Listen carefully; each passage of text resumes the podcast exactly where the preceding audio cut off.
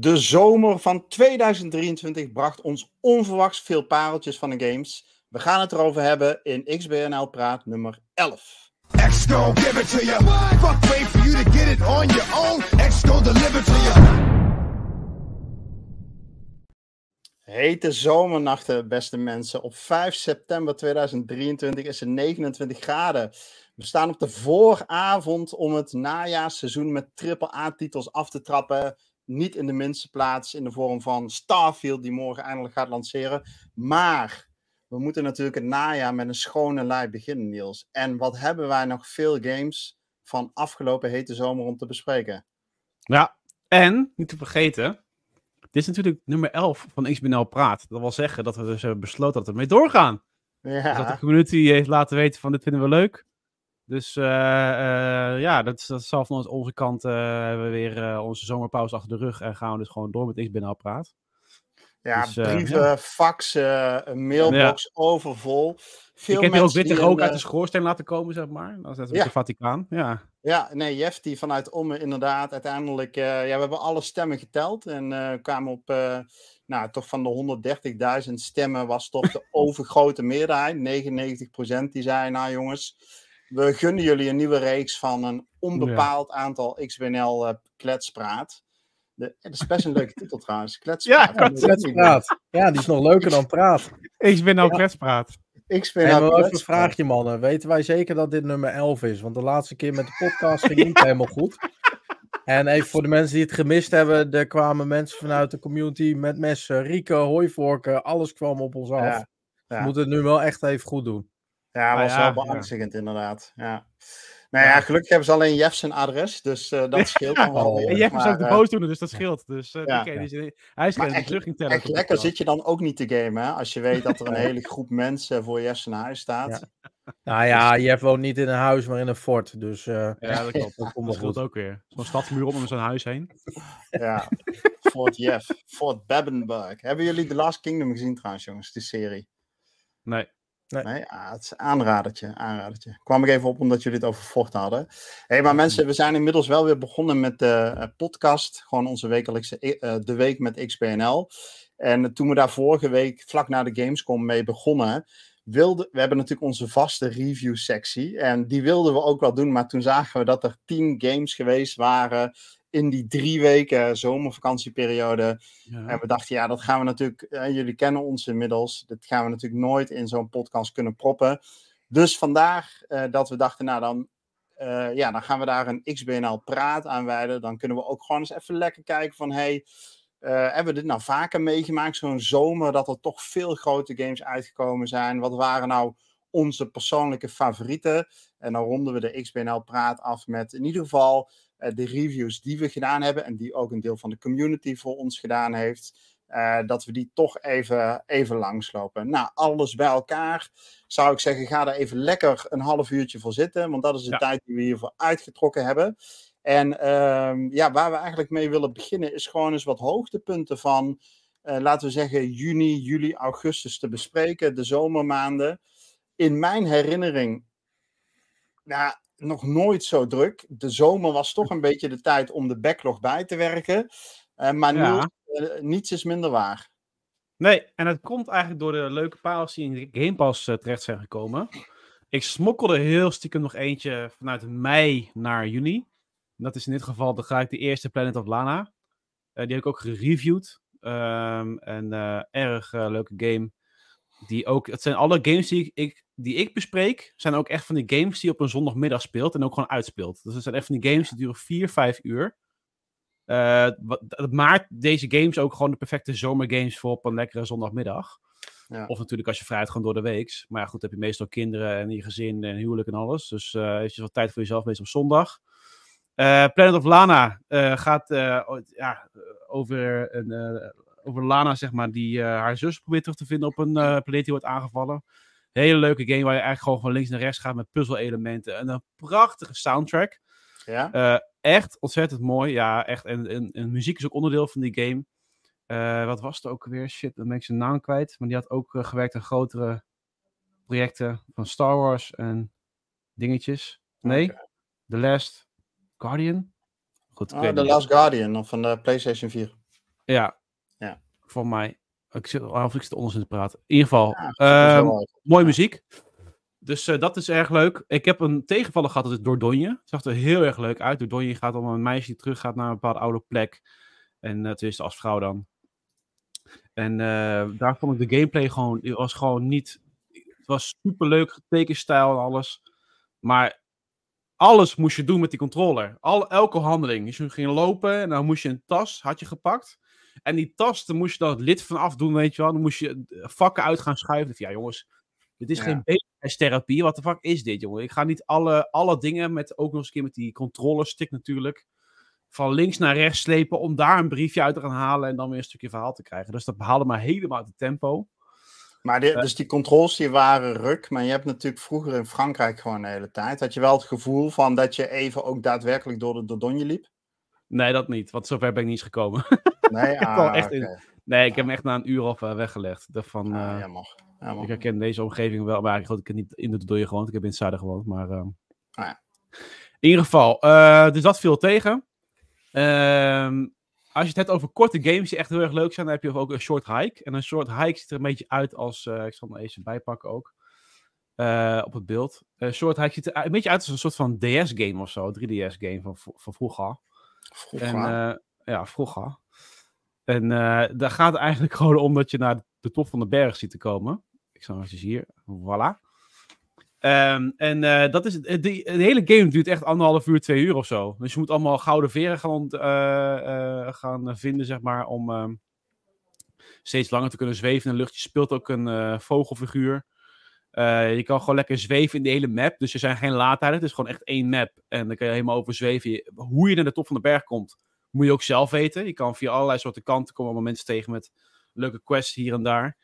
Um, en uh, ja, zoals ik al zei, het is echt een beetje ja, leuke vibes, leuke muziek.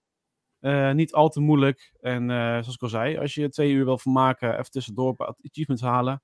Een short hike is the one for you. Maar is het een soort van uh, exploratie slash ja. puzzle game? Ja. Of hoe, wat is de kern van de gameplay? Dus de kern van de gameplay is inderdaad, je, je moet gewoon letterlijk naar de top van de berg komen. Dus je moet gewoon klimmen hier en daar en zweven. Je kan gewoon vrij zweven. Dat is niet iets wat je moet unlocken of zo. Oh, en het is inderdaad exploratie, want je moet, ja, je ziet de map maar beperkt, want het is isometrisch. Ja. Um, en uh, je moet een soort van pad naar de uh, top van de berg uh, vinden. En op, op, Leuk, op die weg daar naartoe ja. kom je allemaal leuke figuurtjes tegen die iets voor jou nodig hebben. Uiteraard weer vindt tien schelp op het strand. Maar andere zijn ook voor, voor veel leuker. Dus nee, echt een heel cute game. Zoals ik al zei, die had op de 3DS kunnen uitkomen. Alba-stijl, vorig jaar. Dat, ja. echt wel uh, leuk. Dus, nice. dus dat. Um, ik laat deze even doorlopen. Even kijken, dan heb ik nog um, een maquette. Maquette was ook echt heel erg leuk. Echt een, echt een ras-echte puzzelgame. Dus um, uh, maquette gaat eigenlijk over een stel. En je hoort alle herinneringen van de stel hoor je voorbij komen. Dus het gaat om een stel die elkaar ontmoeten. We hebben bepaalde uh, liefde voor schrijven, voor verhalen. En um, je gaat elke keer met schaal spelen. Dat is super leuk. Dus je hebt een klein map. Je hebt een kleine versie van je, de map waar je in speelt. En dan moet je iets, een bal uit die map pakken. En die komt dan in één keer heel groot naast jou terecht. En dan kun je die grote bal weer pakken om in jouw eigen wereld weer iets te bewerkstelligen. Ja. En dat gaat heen en weer. Dus een grote vierkant uit jouw wereld kan je in die map, in die kleine map gooien. Waardoor die kleiner wordt, bijvoorbeeld. Dus je moet heel veel met schaal gaan spelen. Dat klinkt, als ik het zo uitleg, echt als een mindfuck. Maar um, in de praktijk is het echt super leuk. Ik zal heel eventjes wat uh, En ook allemaal Game Pass, hè, volgens mij, die je noemt. Dit is allemaal Game Pass. Dus als ja. je denkt van, ik ga het proberen, ik vind het niet leuk, ik leg het weer weg. Prima. Kijk, hier zie je dat hij een blokje zo in de wereld gooit. En als je dat erin gooit, dan komt hij dan rechts van je, komt hij echt helemaal in het groot terecht naast je. En dan kan je weer ergens ja. op klimmen. Leuke ja. is, er komt elke keer een nieuw soort arena om je heen. Als je, als je een arena van drie huizen om je heen uh, uitspeelt, dan kom je uh, verhaaltechnisch weer in een nieuwe omgeving terecht, waar je weer nieuwe soorten puzzels hebt. Nou, superleuke muziek in deze game ook. Echt, echt heel erg leuk. Dus ik heb een paar ook echt op Spotify opgezocht. Dat van, nou, dat vind ik echt wel echt toffe muziek. Um, en um, ja, het verhaal is ook gewoon leuk. Uh, in ieder geval interessant genoeg om uh, lekker door te spelen. Dus lekker man. Nou ja. ja. echt super leuk om. Ja, dit zijn echt van die pareltjes die komen dan gewoon in de grote bubs van de Xbox Game Pass. Ja. En dat zijn dan van die uh, titels waarvan je denkt van ja, ah ja, als, hè, dat, uh, oké, okay, het zit erin en dat komt nog wel een keer, maar eigenlijk moet je ze niet laten liggen. Misschien de Dordogne natuurlijk wel, maar... Uh, ja, nou goed, dan zei je dat, dat tempo fijn vindt. Ja. Volgende is Toom. Toom is super schattig. Echt serieus zo'n soort van ja, 2D, maar ook een 3D-achtige game met, met, met blokachtige constructies. Waarbij je een fotograaf speelt. Je hoeft helemaal niet te vechten, je hoeft helemaal niks te doen. Het is gewoon een puzzelgame waarbij je dingen moet fotograferen. En waar je uh, per, per regio waar je komt, heb je missies te doen. En dan moet je mensen helpen. En uh, het ziet er echt. Dit is een superleuke eigen stijl. Ja. En uh, wederom leuke muziek erin. Weet je wel. Echt, echt, echt zo'n zondagmiddag game. Ja, echt heerlijk dit. Het is echt heel simpel qua opzet. Maar echt zo leuk bedacht. Ja. En je kan gewoon draaien met de wereld die je ziet. Kan je gewoon de camera's positie draaien. Dus je ziet ook elke keer nieuwe dingen. En ja. Um, um, ja, echt, zoals ik al zei, gewoon echt, uh, moet je echt spelen. Is echt heel erg leuk. Ook gewoon, maar is ja, het nou een beetje een combinatie puzzel. van point-and-click en... Uh, nee, joh, je loopt gewoon met die, uh, nee, je loopt gewoon met die persoon rond. met dat figuurtje loop je gewoon rond. En je kan met je, foto, met je um, fotocamera kan je gewoon de wereld inkijken. Dan moet je bepaalde dingen fotograferen voor bepaalde mensen. En oh, zo. Oh, ja. je moet ook op die manier dingen, puzzels oplossen. Of iemand ja. zegt bijvoorbeeld, kan je meedoen aan een soort van fotografenwedstrijd die je in elke regio hebt. Moet je dingen fotograferen en dan krijg je weer puntjes. En dan kan je ook, je hebt zeg maar een stem, dat is heel erg, dat is heel erg satisfying in deze game. Je hebt een stempelboek. Dus als jij een missie hebt gedaan, krijg je een stempel. En met die stempel, acht stempels, kan je door naar de volgende regio. Ja. Dus dan kan je gewoon mooie lijstjes die je krijgt, kan je mooi afwerken. Dus dat is echt wel uh, ontzettend Zo, leuk. Een beetje Pokémon Snap-achtig principe. Ja, maar, ja, eigenlijk wel. Maar dan echt wel leuker aangekleed dan Pokémon Snap. Ja. Ja. Uh, dus dat is echt ook echt een aanrader. Nice. En de laatste die ik uh, noem is, uh, wat ik denk dat Bramble dan de Domingo oppakt, is Figment 2, Creed Valley. Ik moet eerlijk zeggen, ik kende Figment 1 niet. Dus ik dacht van, nou ja, ik ga gewoon kijken wat voor game het is, Figment 2. Ook zo'n game die gewoon 4 à 5 uur duurt. Maar ik was echt wel onder de indruk van die game. Um, omdat het, um, het, het thema is je onbewustzijn. Dus het Nou. gaat heel erg om de emoties die je voelt, wat er in het brein omgaat. ehm, eh, welke ja, soort van belichamingen van emoties zie je in de game voorbij komen. Je speelt ook eigenlijk in het brein van een man met de levels die je nu ziet. Ehm, en waar ik me echt van stond te kijken was wederom de muziek, want het was gewoon echt een soort van professionele band. Die, zij vormen de eindbaas, zeg maar. Zij vormen elke keer de boss fight in deze game. En met elke boss fight heb je echt een superleuke soundtrack of zo. Dus echt zo gaaf. Daar van, huh? Dat heb ik nog nooit gehoord op zo'n goede manier. Dus ik dacht echt wel van, oké. Ik, wederom, ik dacht van, ik ga het op Spotify zoeken dit. Is echt zo leuk gemaakt. Echt zo'n clown duo. En elke boss Nice. fight is gewoon een eh, nieuw liedje. Ja, echt heel tof. Niet En zit, de- zit deze ook in de Game Pass? Ja, zit ook gewoon in de Game Pass. Dus eh, alles wat ik noem zit in de Game Pass. Ja, je kan gewoon, daarom zei ik of ja, weet je, het zijn echt van die zomerpareltjes die je gewoon even lekker op een zondagmiddag speelt. Ja. En, eh, Ja, maar gewoon dan is jouw lekker, gamerscore ook flink geboost, of niet dan? Heeft- Ja, ik hou niet echt mee bezig. Ik denk het wel, Jo. ook niet. Ik moet jou even corrigeren, want je hebt twee games genoemd die officieel geen zomerpareltjes zijn. Oh, tell me Een more. Short Hike is uitgekomen op de Xbox One. En ook Ja. speelde op de Xbox Series X op 16 november 2021. Echt? Oh, dacht die is deze was. zomer is die in eh, Game Pass gekomen. Ah, ja, dat En, telt eh, ook. Figment Telt- telt. 2 Dat is ook. officieel van februari 2023. Oké. Dus je bent een Ah. beetje aan het cheaten. Nou, ja, go- goede rectificatie. Goede Ja, rectificatie. toen zat eh Niels Voordat nog we weer eh, allemaal boze luisteraars achter ons aan Ja, nee, hebt krijgen, gelijk, die, man. Die ons gaan bellen in onze vrije tijd en zo. Ja. Nou ja, goed. Dus, eh, eh, en verder is het echt een puzzelgame. Dit vechten is heel erg eh, simpel, maar wel echt leuk genoeg om door de Ja. game heen te komen. Dus ga dat zeker checken. Ik zit naar de tijd te kijken. Ik weet niet of we dit voor elkaar krijgen, hoor, met al die reviews erbij nog. Maar goed. Ja. Het Ja, waren veel games. Lekker man, mooie, mooie puzzelga- veel puzzelgames valt mij Ja, op. veel puzzel, Sfeervolle, ja. Heel unieke puzzelgames. Dat zeg ik goed. Lekker voor ja. de zondagmiddag. Ja. Ideaal dus. Alright, Ja. lekker man. Hey, en Domingo, je hebt ook een aardig lijstje van deze zomer. Ja, wel met echte zomertitels. Sorry, Niels. Wel Oh, met jongen. echte Hey. Gaat ie. Ja, we gaan ze natrekken hoor. Ja, Ja, dat is zijn we inderdaad allemaal zo. Mijn zegen heb je. Maar je weet, je weet gewoon dat de games die ik noem allemaal deze zomer zijn uitgekomen. Ja, ik zie het. Ik zie het. Als dat niet zo is, dan neem ik jullie mee uit eten.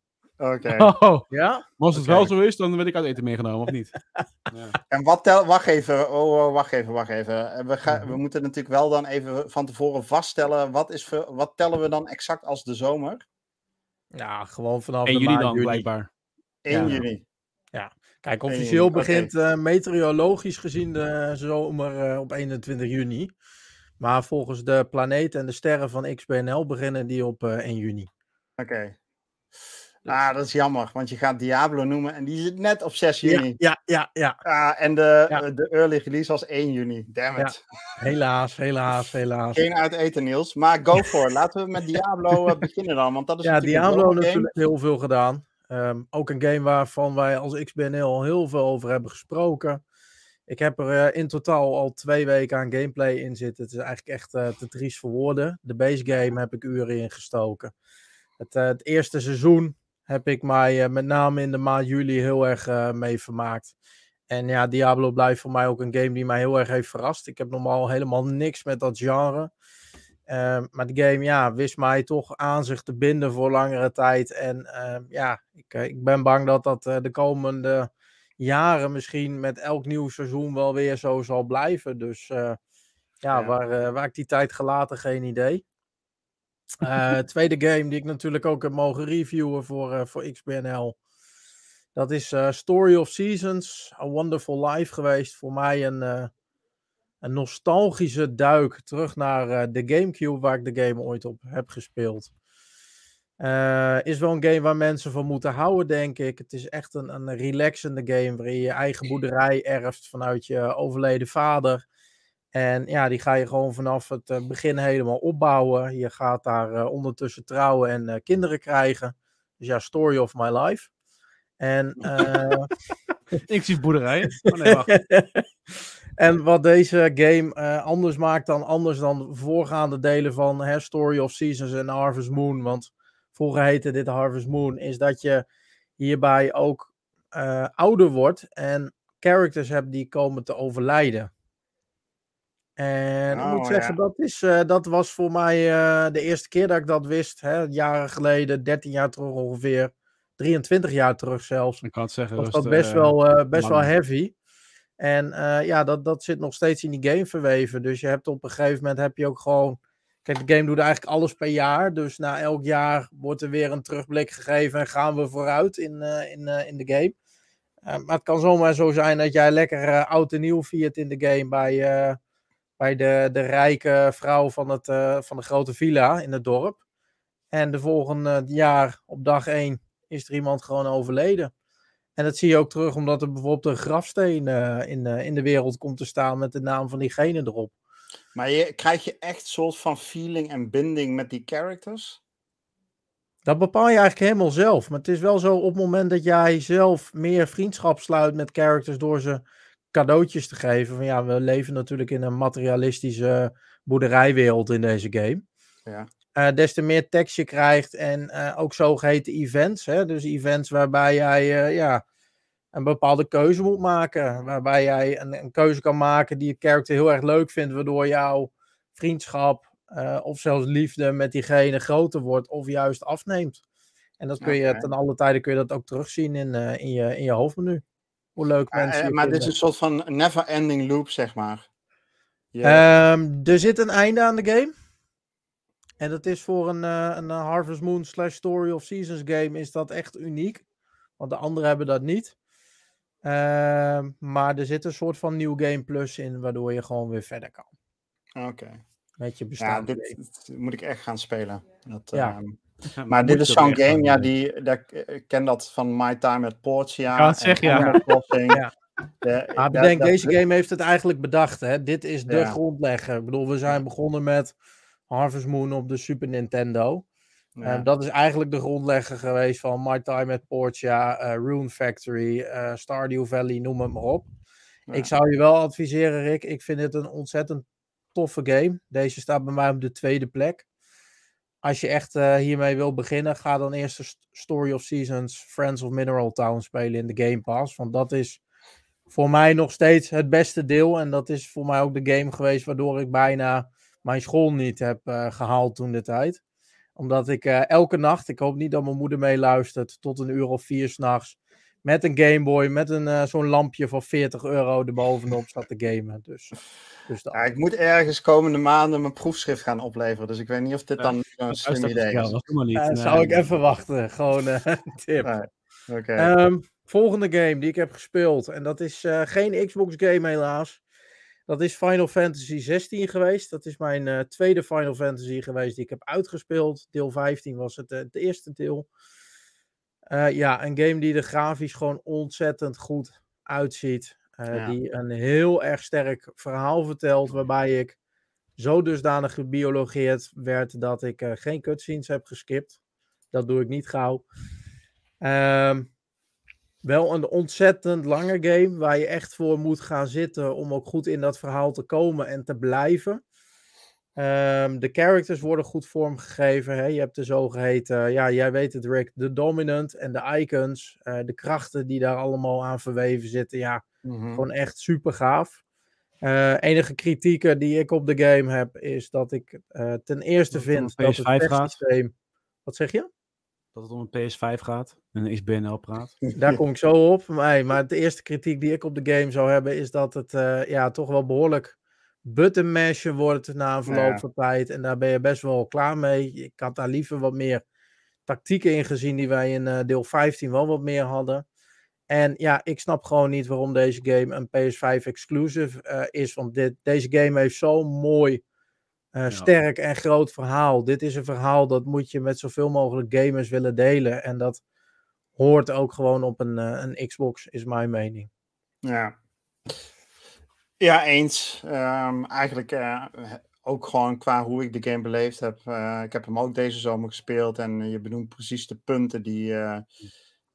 waar, wat, wat ik ook tof vond en, en waar ik op afknapte was inderdaad de combat. Het is wat dat betreft wel een hele makkelijke uh, game. Maar ik vond het, um, ik vond het oké, okay, weet je. Ik zou deze game makkelijk een 8 of 9 misschien wel gegeven ja. hebben. Of iets ertussenin. Met name vanwege de verhaalvertelling en het visuele spektakel. Het, ja. ja. het is gewoon eens. een fantastische game. Ja, ja, ja. eens. fantastische game, fantastisch. Fantastische Fantasy. Game. Final fantastische game. Ja, final Alright. fantastische game. Finale fantastische game. Um, volgende hey, maar jij, uh, Do, voordat je verder gaat, jij hebt je ook ja. schuldig gemaakt aan, uh, wat is het, 16-bit-achtige praktijken, of niet? Kom maar, ja, zeker. We, dat is grote, maar we kunnen ook direct even die, die, die angel direct uittrekken. En wat heb je voor positiefs over retro games gezegd afgelopen week? Ik iets positiefs over retro games? Ja. Ah, dat dat doe ik niet. Nee, nee even serieus voor de, voor de mensen die me niet kennen. Ik, ik ben niet zo van de, de oldschool RPG's. Uh, met allerlei pixeltjes en zo. Um, maar er is gewoon één RPG.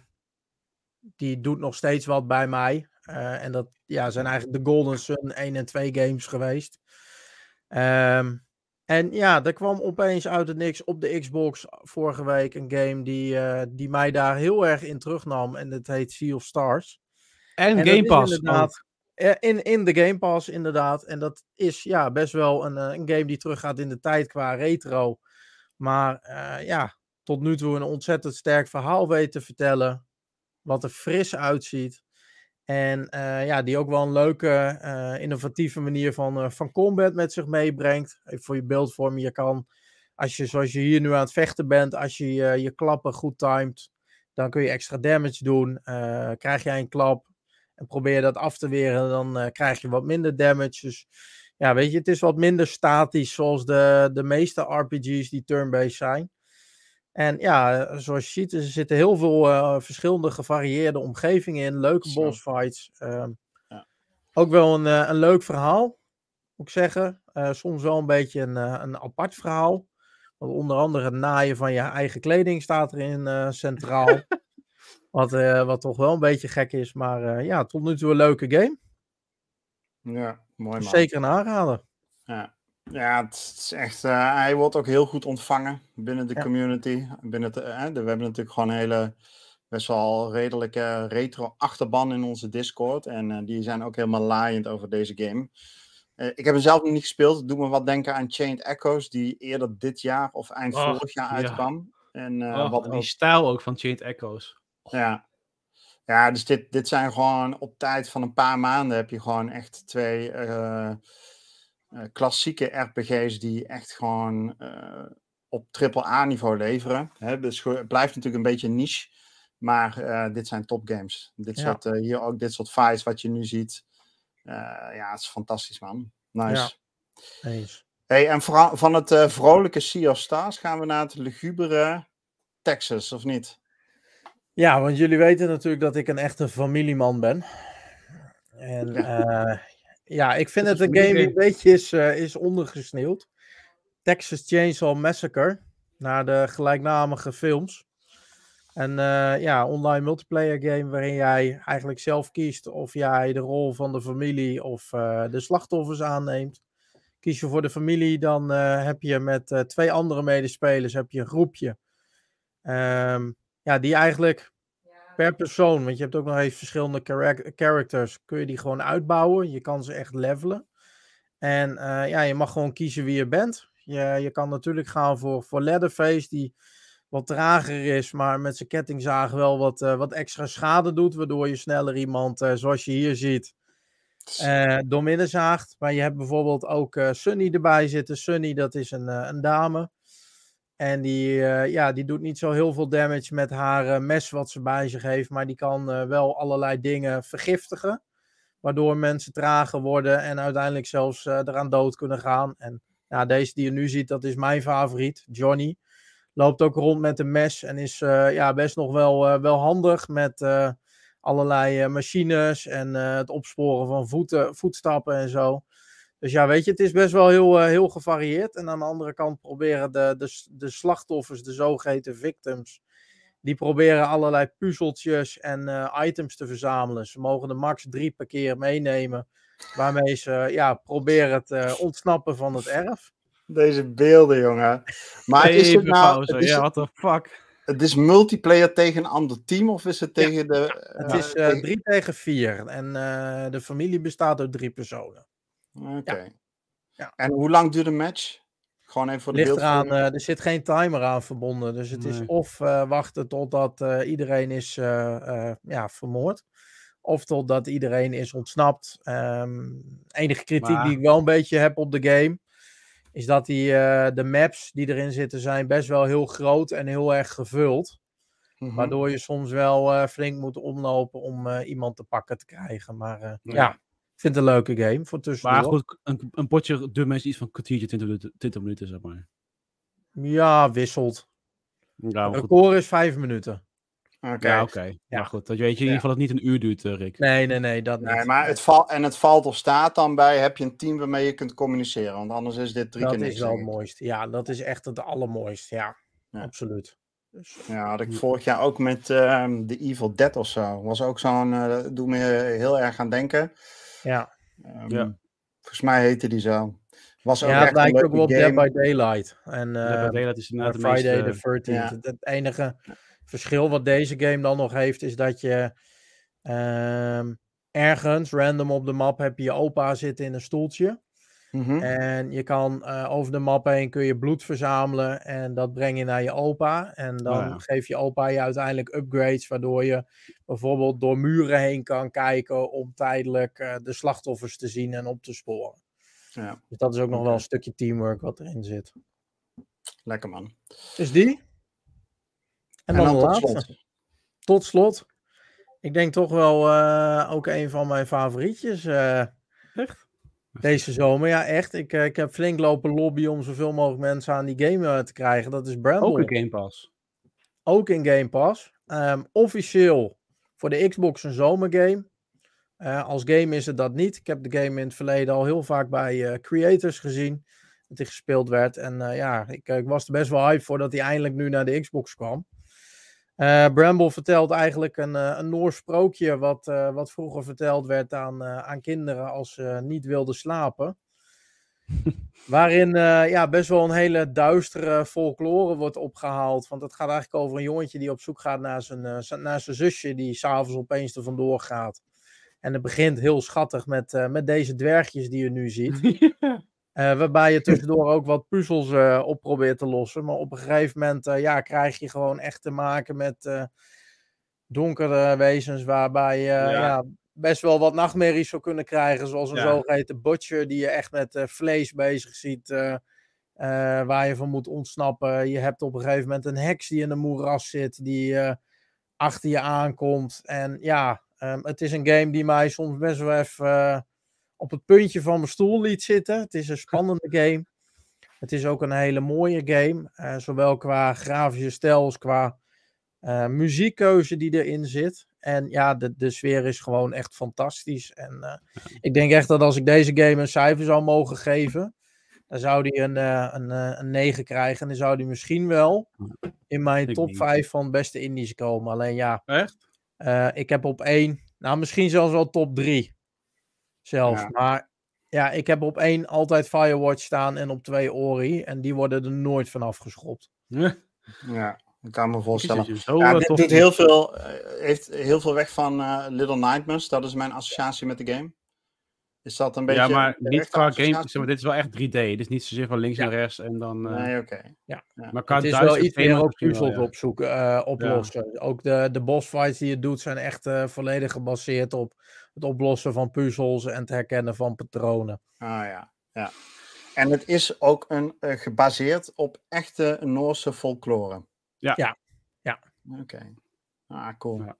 Maar het gaat ook wel heel duister real fast op een gegeven moment. Van ja. oké, okay, okay, dit ja. is geen kindergame. Nee, dus, dus niet met je kinderen spelen eventjes, disclaimer. Dit is hoe de game begint, wat je nu ziet. Het ja, superleuk. Oh, dit is inderdaad een game, dat is wat Niels zegt, dit moet je absoluut niet met je kinderen gaan spelen. Want het ziet er zo uh, lief uit in het begin, maar het is echt daar niet voor geschikt. Nee, nee, echt niet. Ja, dat zien we nou ook al in beeld, inderdaad. Ja, ja. ja dit is dus die butcher, inderdaad, waar we het over ja. hadden. Dus ja. En stop. Zo. Alright. Hey Niels, geef de mensen alvast even, ik weet niet of je dat bij de knoppen hebt, maar geef ze gewoon even een achievement. Want we zitten op een half uur en we hebben nog zeker ja. een kwartier aan materiaal. nou, dus daar even gewoon even zo'n tussentijdse rare achievement. Lekker. Dit is eigenlijk gewoon de week met XPNL. nou, die reviews uitstellen. ja, ja, Maken we daar volgende nou, week gewoon een uh, aparte praat over. Ja. ja. ja. Nee, maar mensen, nou, we zitten op ja. een half uur, zo gaat dat. En we hebben nog een kwartiertje nodig als ik zo naar de lijst kijk. Uh, de twee games die uh, wat mijn hoogtepunten waren voor deze zomer. En dat is dan een filtering van de hoeveelheid aan games. Eigenlijk heb ik de zomer gebruikt om een PlayStation backlog bij te werken. Dat is gelukt. En ik heb oh ja. een aantal, aantal reviews gedaan. En uh, degene die met stip bovenaan staan, of nou eigenlijk op een gedeelde eerste plaats staan, maar ik begin even met de game Stray. Die game die is vorig jaar al op de PlayStation verschenen en die heb ik uh, afgelopen, uh, afgelopen maand samen met Plien gespeeld. En uh, in die game, en misschien, ja, jullie kennen hem ongetwijfeld, maar voor degenen die ja. hem niet kennen, je kruipt in de huid van een kat. Ja. En dat in een soort cyberpunk-achtige setting. Heel vet. In een, ja. in een, volgens mij in een, um, uh, in een stad uit, um, ja, het moet een soort van Chinese stad symboliseren. Volgens mij in de buurt van, of ten noorden van Hongkong, dacht ik.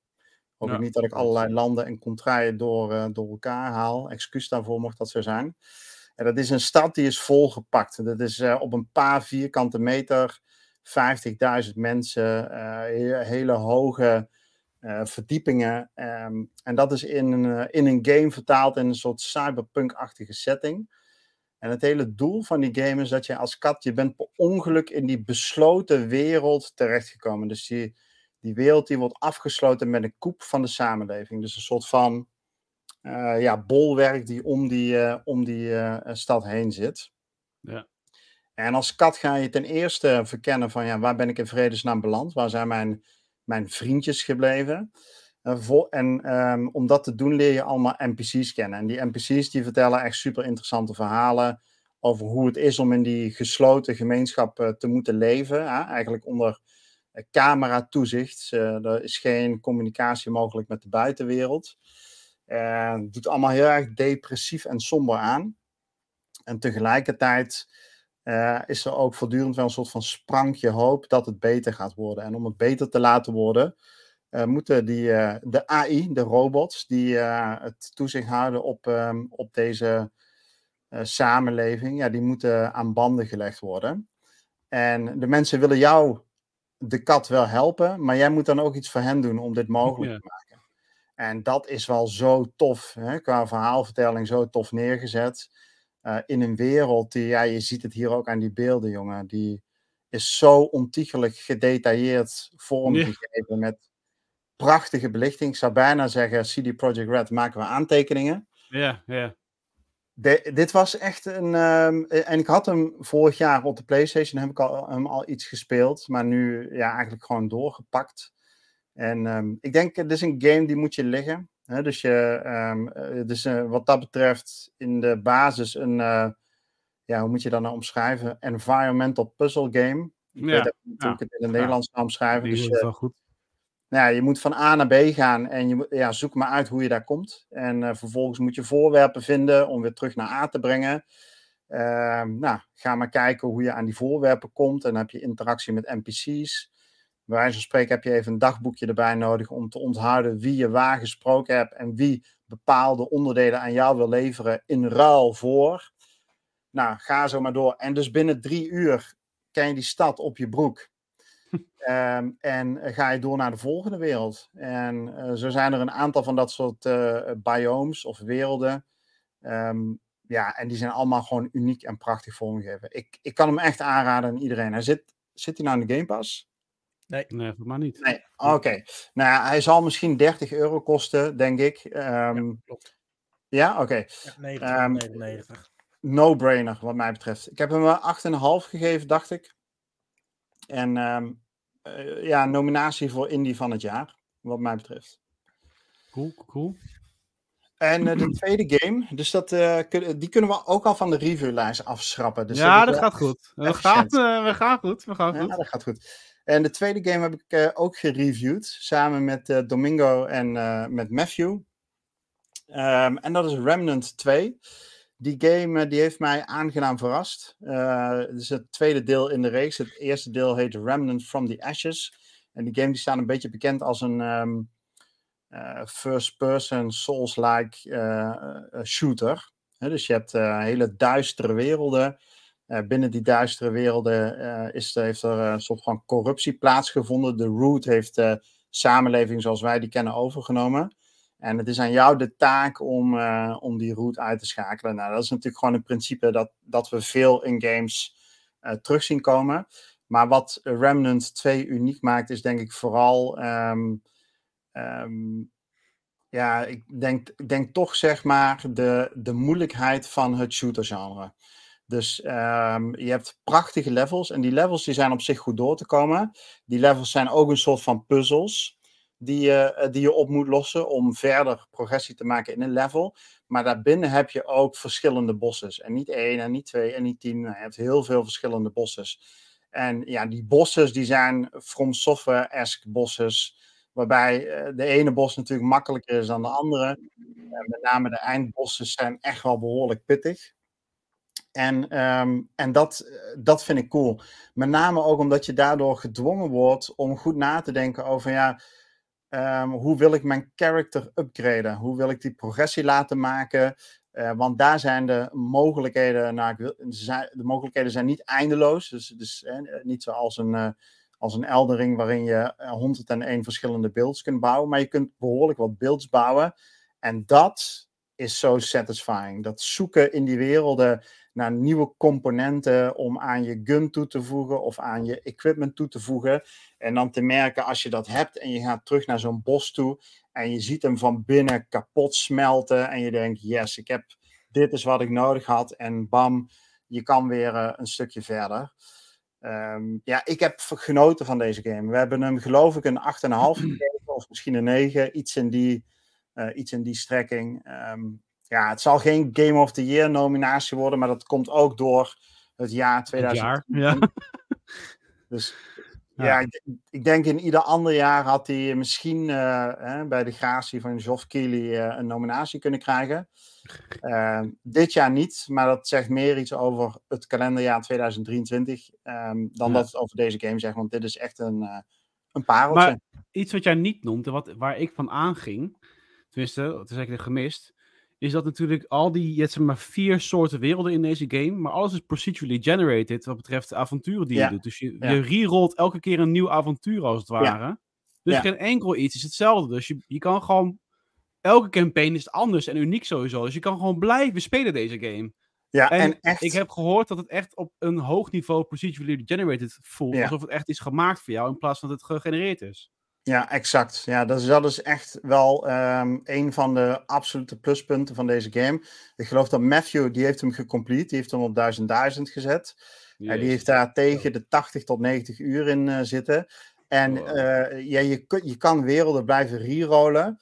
En je ziet echt nieuwe delen van, eh, van de, eh, of eigenlijk compleet nieuwe werelden, compleet nieuwe lore, compleet nieuwe puzzels met echt unieke bosses. Dus je hebt Ja, dat, tientallen dat is bosses. super interessant. Ja, en je, je kan dus ook deze game uitspelen en ja, afsluiten met dat je 30 uur verder bent, wetende dat je misschien maar 25% gezien hebt. En waar je dan in tegenstelling tot andere games, hè, dat, dat je dan wel eens kunt denken, ja, weet je, ik ga niet meer verder spelen, want het wordt zo een grind. Hier zul je geen seconde dat gevoel hebben. S- Ja. Simpelweg omdat alles is zo uniek. En ehm, ja, Ja. dat is eh, echt heel erg goed gedaan. Ja, Vet. hoor. Alright. ehm, wat mij betreft gaan we even door naar eh, de review-sectie, waarvan we er dus al twee kunnen afstrepen: Remnant 2 Gelukkig en eh, Stray. Ehm, volgens mij, de volgende review die we gedaan hebben is Double Dragon Gaiden Rise of the Dragons. Die Ja. heeft onze vrolijke vriend Eddie gereviewd. En Niels, jij hebt eh, die review even goed bekeken. Yes, sir.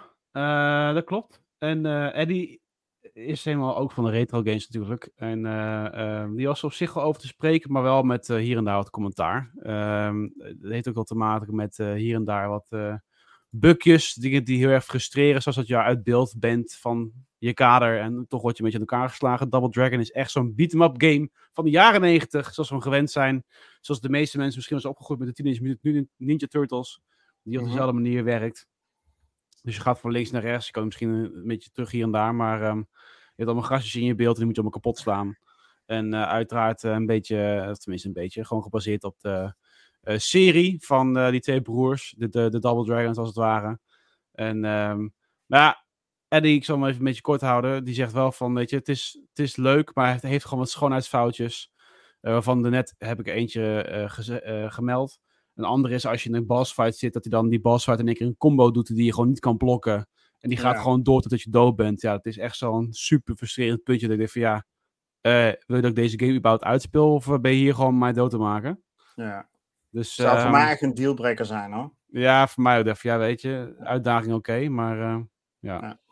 Ja. Dus, ehm, dus het is leuk ouderwetse gameplay. Hij zegt ook voldoende uitdaging. En leuk, eh, leuk weer, hè, Double Dragon.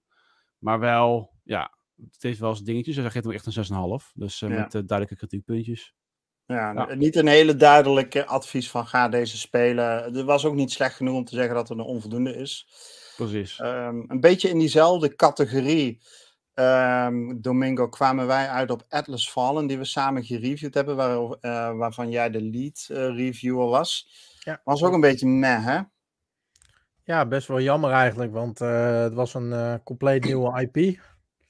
Die er tenminste naar mijn inzicht vanaf het begin wel heel interessant uitzag. game begon ook wel interessant, heeft best wel een leuk verhaal erin zitten. En eh, ja, het, het zogeheten schaatsen door de open wereld van de woestijn, dat is eh, best wel leuk gemaakt. Ja. Alleen ja, eh, de game valt toch wel heel snel in een eh, behoorlijk lege wereld. Graphics die variëren van soms best wel tof tot aan kwaliteit van het Xbox 360 tijdperk. En de game had daarnaast ook nog wel behoorlijk wat, wat performance issues. ja. En een behoorlijk ja, stroef combat systeem. En eh, ja, ik heb de game daarom uiteindelijk maar een, eh, een 7 gegeven. Ja, niks aan toe te voegen. Nee, en met name dat combat systeem. Ik ben op een gegeven ogenblik ook, ook gestopt, weet je. Het is een van de weinige games die... eh, oh, nou, er zijn zat games die ik niet uitspeel. Nee. Maar voor review probeer ik ze altijd wel uit te spelen. En ehm, ja, het was niet per se heel slecht, maar het combat systeem was gewoon ook niet goed. Nee, Eh, dus, het had ja, beter gekund, inderdaad. Ja, ja. Ja. Ja, je verliest voortdurend overzicht. Maar goed, eh, check xboxnederland.nl als je meer wil lezen over deze review. Zeker voor wat betreft deze titel, want je betaalt er echt de volle map voor. Ehm, en ehm, ik kan me voorstellen dat je voor twee tientjes probeert. Maar voor 60 euro zou ik het. eh, is niet ons advies, toch, Domingo? Nee, mee eens. Oké. Eh, wat wel een eh, advies is, ik geloof van, eh, van Theo, onze in de Discord bekend als Picnic, is de game Frank and Drake. En niet alleen van, van Picnic. Ik zag vandaag een Accolades trailer voorbij komen met allemaal achters en negens. Eh, Domingo, jij, je, jij bent gedoken in die, in die review van Picnic en hij was heel tevreden over deze game. Ja, hij was, was echt heel tevreden. Om even bij het begin te beginnen, hij noemt het een point-and-click game met een lichte verwijzing naar Frankenstein en een modern gotisch verhaal. En eh, ja, hij gaf eh, de game als pluspunten toch wel dat het, eh, het verhaal en de uitdieping van de karakters heel goed was. De game zag er grafisch heel erg goed, goed aan. goed uit. Ehm, hij vond de controlebeweging en de selectie vond hij wel wat minder. En het volledig opnieuw moeten beginnen na een eerste playthrough. Eh, mede ook omdat deze game ook draait op, eh, op keuzes die je moet maken. Maar hij gaf hem uiteindelijk een 8,5. Dus dat is dik voldoende. Ja. ja. Nou deze game is echt heel goed ontvangen, mensen. Hij is ook, eh, je betaalt er niet de volle map voor. Check even xboxnederland.nl voor de volledige review. Maar ben jij het type gamer dat echt van verhalende games houdt, point-and-click-achtige games? Ehm, dit is een pareltje. Eh, absoluut eentje om, eh, om te spelen. Ehm, ja, om maar even in de, de loftrompet erbij te blijven houden. Uh, misschien wel voor uh, onze retro-liefhebbers een van de beste games die dit jaar uitgegeven is, is Blasphemous 2. Uh, die heeft natuurlijk, hoe kan het ook anders, onze Dimas van een review voorzien. en Niels, jij um, hebt gekeken wat Dimas daarover geschreven heeft. Ja, en uh, sowieso een shout-out naar uh, Demas, want uh, zijn review is ook echt heel leuk geschreven. ja. Die heeft ja. hij echt leuk gedaan. En ja, ik denk als je de reviews leest, denk je van oké, okay, Demas, wat, waar haal jij plezier uit in het leven? En dat is toch duidelijk wel zelfkastijding. En hij zegt ook gewoon, ik was, ik was dan ook in extase toen de aankondiging van Blasphemous 2 afgelopen jaar voorbij kwam. Ik kon mijn boetedoening eindelijk voortzetten. Ik stopte mijn gezel af. Ik vroeg aan de man van XBNL of ik alsjeblieft mezelf mocht onderwerpen aan deze game. ja, denk ik van, tering, hé, gast. Dus, uh, nou ja, en ik heb het live uh, gehoord, want daar zat de game te spelen terwijl we in de party zaten. en uh, ja, de vloektirades kwamen voorbij. Maar ook echt met een soort van manische liefde erachteraan. Yeah. Alsof iemand, ken je die scène in James Bond, Casino Royale? Dat hij met een grote knots in zijn ballen wordt geslagen. En dat Daniel Craig, die acteur, gewoon gaat lachen van de pijn.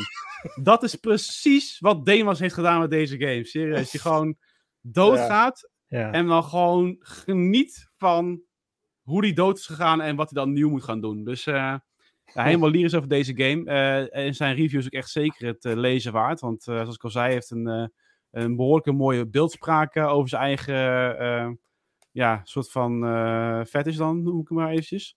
Ja, maar goed, neemt niet weg dat deze game gewoon sterk in elkaar zit. Um, een goede Metroidvania game met prachtige pixel art graphics. Een van de beste, zegt hij ook zelf. Um, Waar kijk goede... ik naar, jongens? Wat is dit? Ja, dit is... Ja, het is een hele luchtige game. Best, hoor. Ja, Metacritic van 87, hè? Het is echt... Uh, ja. Allemaal Nee, 8's, 9's, 10's. Het is niet normaal. Er zit uh, goede voortgang in wat betreft de skills en zo. Dus er, er zit echt wel een soort van curve in waarbij je gewoon lekker uh, door kan gamen. Ja. Uh, de manier waarop je uh, vijanden kan executen, de muziek, alles klopt gewoon. Dus het is gewoon, ja, een, een must-have voor de mensen die ervan houden, laten we zo zeggen. Ja, ja precies. Ja, nee, dit, dit, dit is inderdaad een must-have voor degenen die daarvan houden. En um, Dimas is er daar één van. Ja, um, dat is duidelijk. Goed, we gaan uh, van uh, de duistere kelders van Blasphemous 2 en Dungeons gaan we over naar F1 Manager 2023. Volgens mij heeft onze eigen Jeff die gereviewd. Klopt. Um, ja. en die, nou ja, Domingo, uh, shoot, want je hebt, je hebt die review van hem bekeken. Wat waren zijn gedachten daarover? Nou, dat was toch wel eventjes schokkend, want we weten natuurlijk allemaal dat Jeffrey het de afgelopen twaalf maanden in zo'n beetje elke podcast over F1 Manager 22 heeft gehad. En ja, hij vond dit een, een absurd slechte game.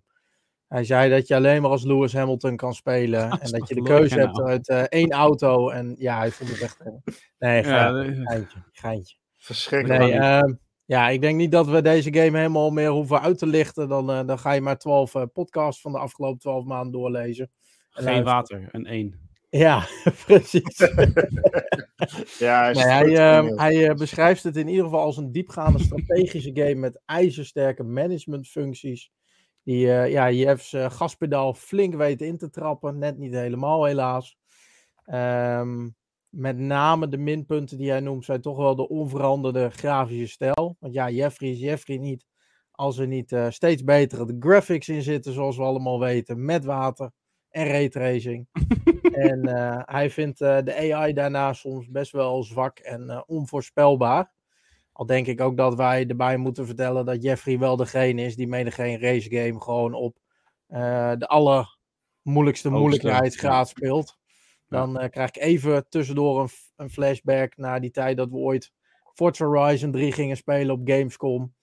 En dat die developers van uh, Microsoft zeiden van, uh, joh, weet je, doe maar even op deze difficult. En dat die Jeffrey zei, nou nee hoor, doe alles maar helemaal omhoog. Doe alle favoriete manieren af. Alle assist uit. Moet. En die kerel die, die won alles. Dus dat is echt ja, heel knap en gewoon bizar. Maar um, onze Jeffrey geeft deze game een 7,8. Ja, nou, maar dan weet je het. Dan weet je het. Ja. ja. Alright, F1 Manager 2023. We kunnen niet wachten op F1 Manager 2024. Of in ieder geval Jeff waarschijnlijk niet. ja.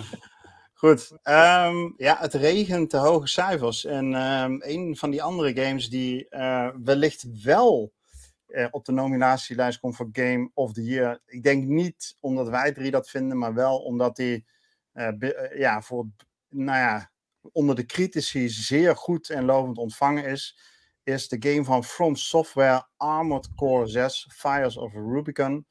Dimas heeft hem gereviewd. Niels, jij hebt daar wat over te zeggen.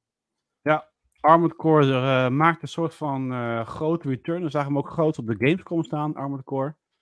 Uh, uh, vroeger veel gespeeld, was deel 1. Uh, je hebt ook zelf gewoon echt die oude, oude arcade spelletjes, zeg maar. Is heel erg uitgebreid en veel mooier geworden.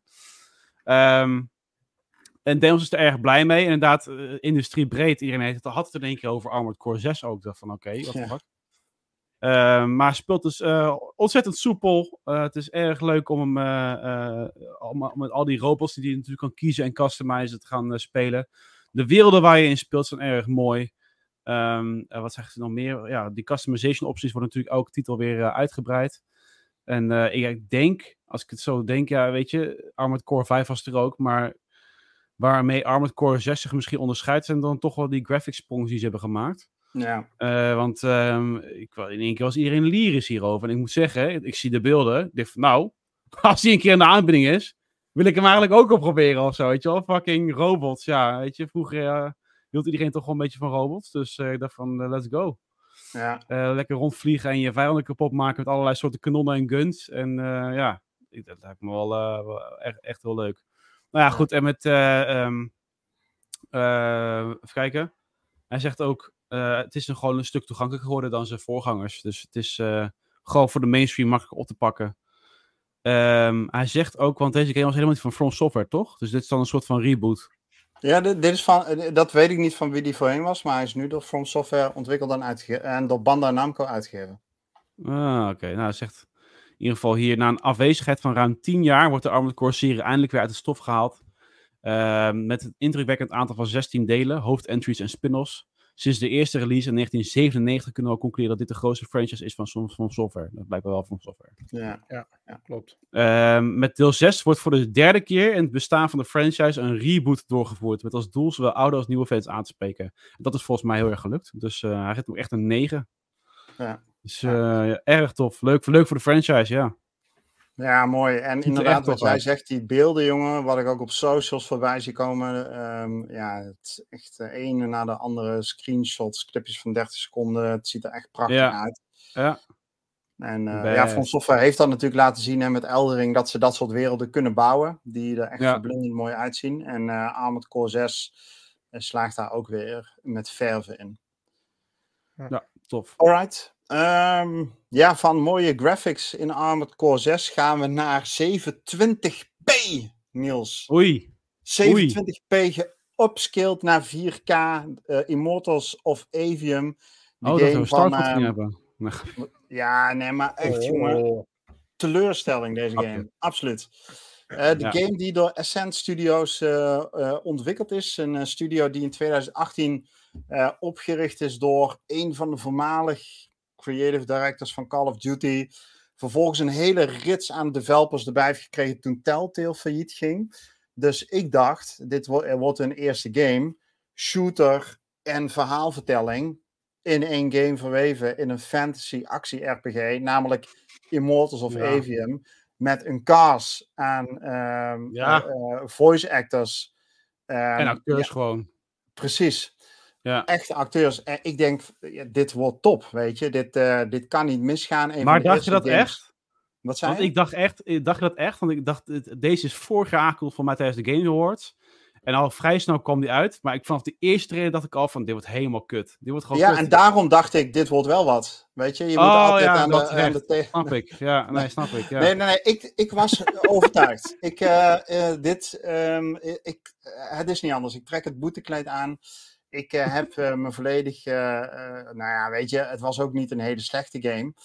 Hij begon sterk. De eerste vijf uur, de verhaalvertelling was tof. Je bent een of andere jonge jongen die als dief ehm, door de maatschappij ja, een beetje rondzwerft om te overleven. Heeft een clubje andere kinderen om zich heen waarvoor die moet zorgen. Dus er ontstond wel snel wat sympathie. En dan was er een grote vijand die de hele boel, die alleen maar oorlog aan het maken was en die eh, complete wijken aan het verwoesten was. Dus het, de verhaalvertelling was sterk neergezet. En dan bleek deze jongen ook nog eens over superkrachten te beschikken. eh, de, drie, eh, de drie magische krachten. Oh, Dus wacht ik- even. Ging dit over Harry Potter?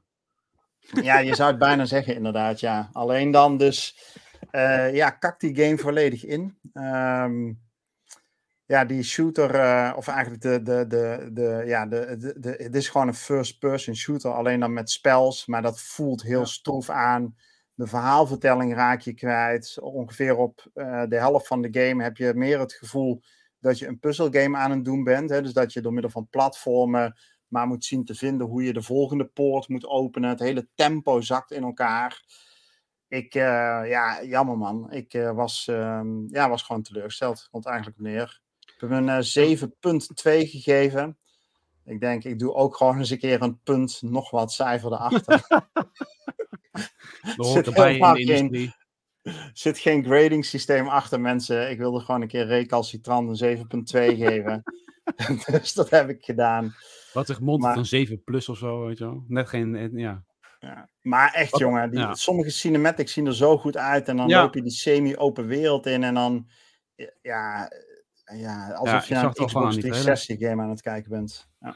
En wat ook nog eens een keer best wel opvallend is met deze game. Het is dus een game van EA Originals. Wat normaal zijn het de kleinere projecten hè, van EA. Wat heel Ja. tof, want er zijn best wel leuke... Nou, bijvoorbeeld voor mij It Takes Two is van EA Original. Je Ja. hebt eh, eh, al, die andere co-op games uh, van mij. Brothers... Unravel. Unravel. Unravel. Ja. En eh, die gevangenisgames, A Way Out.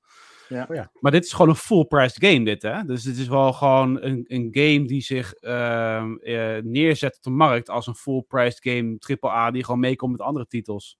Ja. Dus ik denk Maar dat daar daar ook dus- wel een stuk teleurstelling in zit. Van ja, ja dan moet je, als je, dan zo groot, als je zo groot wil zijn, moet je ook wel met grote gameplay komen. Exact. Nou, daar zit dus precies eh, het contrast, weet je wel, van...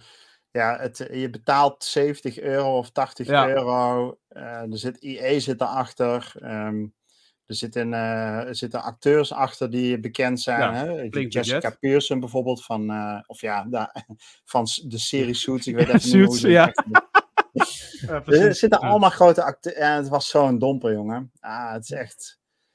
Ja, ik kan hem niet aanraden voor dit bedrag. Ik kan, het is ook geen slechte game, begrijp me niet verkeerd, weet je. Dus uh, je kan er prima best wel even mee vermaken.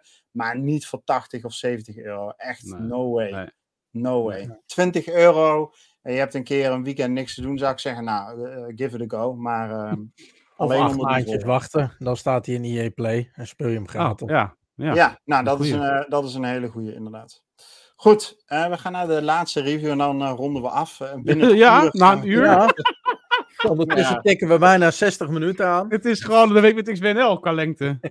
ja, maar hey, hoe lekker is het om het najaar te beginnen met een schone lijn, toch? Geen backlog ja, ja, en reviews om te bespreken. Nee, is waar. Dus, en laten we, bedoel, we ronden af met een hele mooie game. Ehm, en ik, ik had hem totaal niet op de radar staan. Ik kende de titel ook niet. Maar uh, het is alweer Trine 5, dus het vijfde ja? deel in de reeks. Um, en uh, Eddie heeft die vandaag aangeleverd.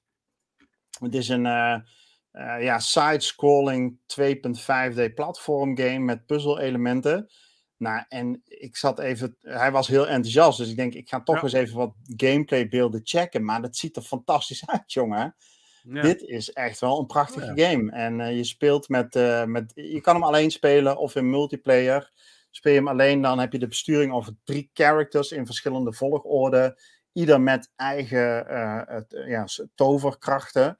Um, die dan ten dienste staan van het oplossen van, van omgevingspuzzels. En nou, kort samengevat zegt Eddie: Trine 5 Clockwork Conspiracy is een hele goede toevoeging in de serie. Er zijn meer dan genoeg uitdagende puzzels om op te lossen. Grafisch en op het gebied van geluid kan deze game doen met de zwaargewichten. Hij zegt als plussen mooie graphics, goed geluid, fijne muziek.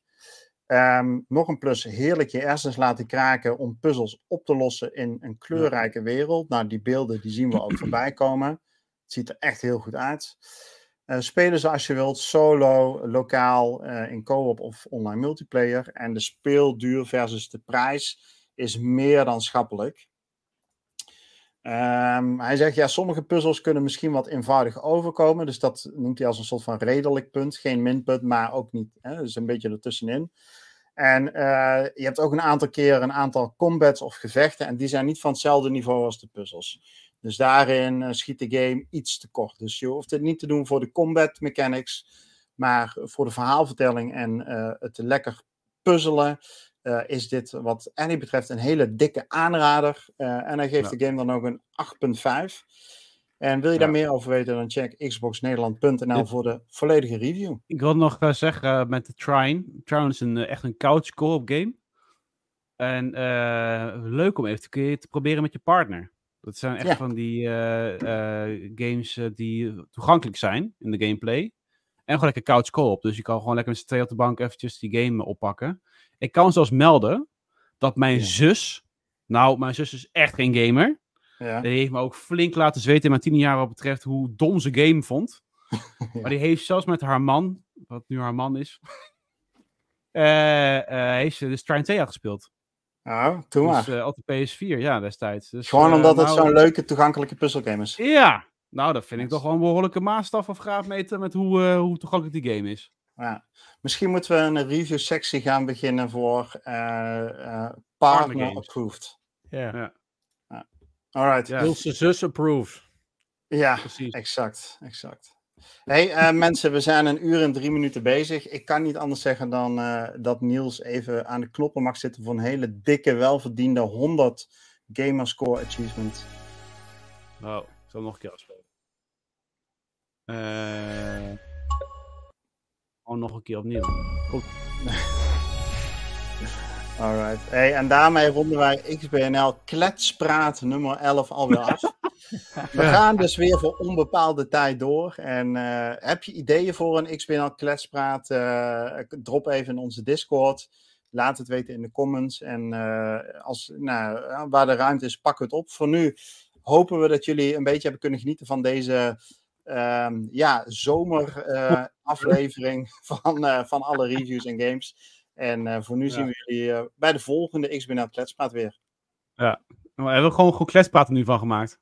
Ja, we maken er gewoon kletspraat van. En het format van een kwartier, 20 minuten, dan, gaan we, dan gooien we ook overboord. Ja, Bucket, ja nee. Ja, er wordt ook weer gekletst, hè. Dus, uh... ja, ja, ja, maar dat, dat komt wel goed. We maken er mooi kletspraat van. Zo is dat. Goed. Oké, Mazzel jongens. Doei.